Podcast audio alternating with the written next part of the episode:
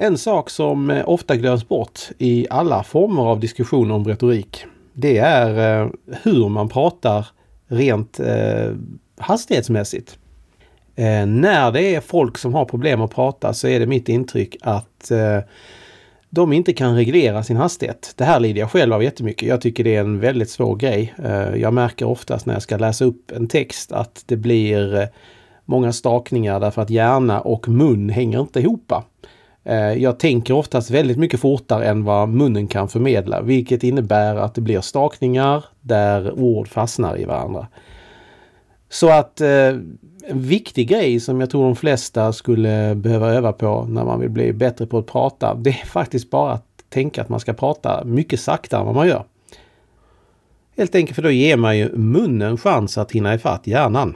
Eh, det krävs pauser, man får staka sig, man får sitta och säga mm, eh, för att göra dessa pauser ibland. Jag måste själv anstränga mig väldigt mycket för att det inte ska bli väldigt fort när jag pratar i mitt vanliga, liksom vardagliga prat så kan det gå väldigt, väldigt fort. Inte minst i ämnen som jag är passionerat intresserad av.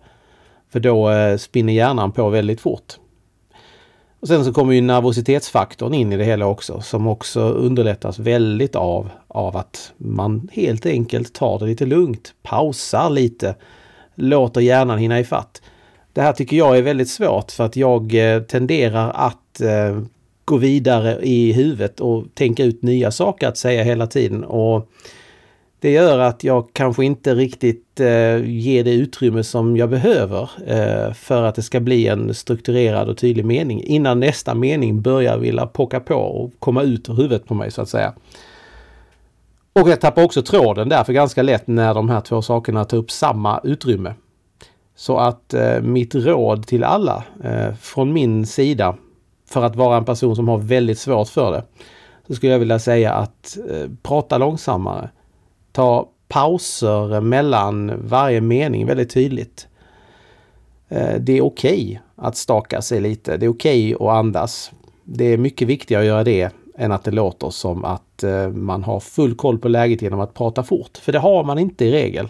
Eh, tittar du på historiens alla skickliga talare så fraserar de ju oftast väldigt tydligt. Varje fras sägs med en liksom konstpaus mellan sig. Det är, eh, det är nästan det som de alltid har gemensamt att de kan förstärka varenda mening väldigt tydligt genom att sitta och eh, eller aktivt tänka ut eh, pauser i förväg var de passar. Och sen så övar du upp en naturlig förmåga till detta där du till slut inte behöver längre improvisera så mycket kring det utan det, du vet hur du ska prata för att det ska bli ett kraftfullt och eh, tydligt budskap i det du säger. Jag vet själv att jag många gånger har eh, reflekterat över att jag tycker att jag själv måste ha låtit fruktansvärd när jag läste upp en, ett föredrag framför en klass eller något liknande. Att jag kände mig väldigt stressad och att jag stakade mig och att jag tappade bort mig hela tiden. Och sen så hör man i efterhand från de andra som lyssnade på mig så säger de Nej, du lät lugn. Du lät bra. Okej, okay, och då, det där var, har varit en ögonöppnare för mig vad gäller insikten om att det man själv uppfattar, sin egen stress till exempel när man står och håller föredrag, den är inte nödvändigtvis vad andra uppfattar. Alls tvärtom. Och ett sätt att verkligen lura den åhöraren som sitter där framför dig, det är just genom att göra pauser. Eh, att prata sakta mycket mer sakta än vad du gör kanske i andra sammanhang. Om du lyssnar på en eh, välkänd och erkänd skicklig talare så hör du att de ofta fraserar väldigt sakta och väldigt tydligt. De låter oftast till och med mycket, saker mycket kortare än meningar får vara äh, egna stycken. Fraser alltså. Det är äh, inte så man nödvändigtvis måste prata. Men man kan åtminstone tänka det i banorna av att varje mening ska få ett utrymme för sig själv. Så om jag säger till exempel en mening som i stil med Kalle gick och hämtade en boll och bollen var rund. Bollen var fantastisk att spela med. Så är det väldigt hastigt och ihoptryckt, men du förstod nog vad jag sa. Men om jag istället säger Kalle gick och hämtade en boll.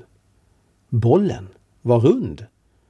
Och bollen var fantastisk att spela med så tror jag att eh, det lät mycket tydligare för dig. Nu var det kanske inte världens bästa exempel. Jag improviserade, improviserade fram någonting i huvudet väldigt fort, men eh, jag tror du förstår vad jag menar. Desto snabbare man vill få ut någonting, desto sämre blir det, det du försöker säga.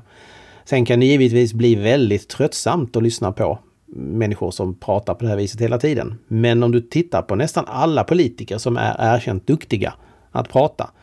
Ja, vi kan ta Göran Persson eller Carl Bildt så tar de mycket lång tid på sig med vad de än ska säga. Och det är mycket emfas på alla möjliga ställen. Och eh, om man pratar på det viset så kan man ju faktiskt sälja i princip vad som helst. Det är ju den makten en eh, röst som är väldigt övertygande låter. Och låter du själv väldigt övertygad om det du säger är sant så övertygar du ju mycket lättare en annan person. Så eh, verkligen, man kan sälja vad man vill med en tvålfager stämma. Så är det. Och det här tänker jag att även om man själv kanske inte känner att man har jättemycket nytta av att lära sig detta, så kan det vara intressant att fundera på hur andra pratar när du hör dem och bara lyssna på sättet de pratar. Eh, inte bara orden utan jag tänker på just betoningar. Det är en, lite av en ögonöppnare när det gäller framförallt politiker. Väv eh, sedan ihop detta med andra aspekter av retorik. Eh, känsloappelleringar och eh, alla retoriska trick man kan ägna sig åt så blir det ju extremt kraftfullt som eh, vapen att kunna prata väldigt väl. Och det är också en grej som gör att människor som kanske inte nödvändigtvis är smartaste personen i rummet kan låta mycket smartare än vad den är. För att den smarta personen som står i andra änden av rummet kanske pratar på alldeles för fort. Orden stakar sig. Det blir osammanhängande struktur och eh, helt enkelt ingenting som låter jättetrevligt att lyssna på. Medan en duktig talare kan stå och prata om smörja och du lyssnar kanske glatt och noga väldigt länge. Det här är egentligen självklarheter. Men jag tänker att det kan vara bra att man har det i åtanke. Eh, inte minst om man någon gång i sitt jobb eller annan del av tillvaron måste prata inför folk så är det lite av ett hjälpmedel om inget annat att hantera kanske stress och panik. Att fokusera på att du kan prata långsamt utan att det är ett problem. Eh, jag vet att eh, jag med många andra tror att pratar man väldigt långsamt så låter man kanske, ja vad ska man uttrycka det snällt, lite bakom flötet. Men eh, det är inte fallet skulle jag vilja hävda, utan du behöver prata väldigt, väldigt långsamt för att folk ska reagera på det som långsamt. Det är snarast tvärtom, att de flesta människor kanske inte betraktar dig som att det är något fel på dig för att du pratar väldigt fort, men jag tror de tappar snabbt koncentrationen. Så att man ska aldrig bekymra sig om att man pratar långsamt. Det är ett större, större problem för kommunikationen att prata fort.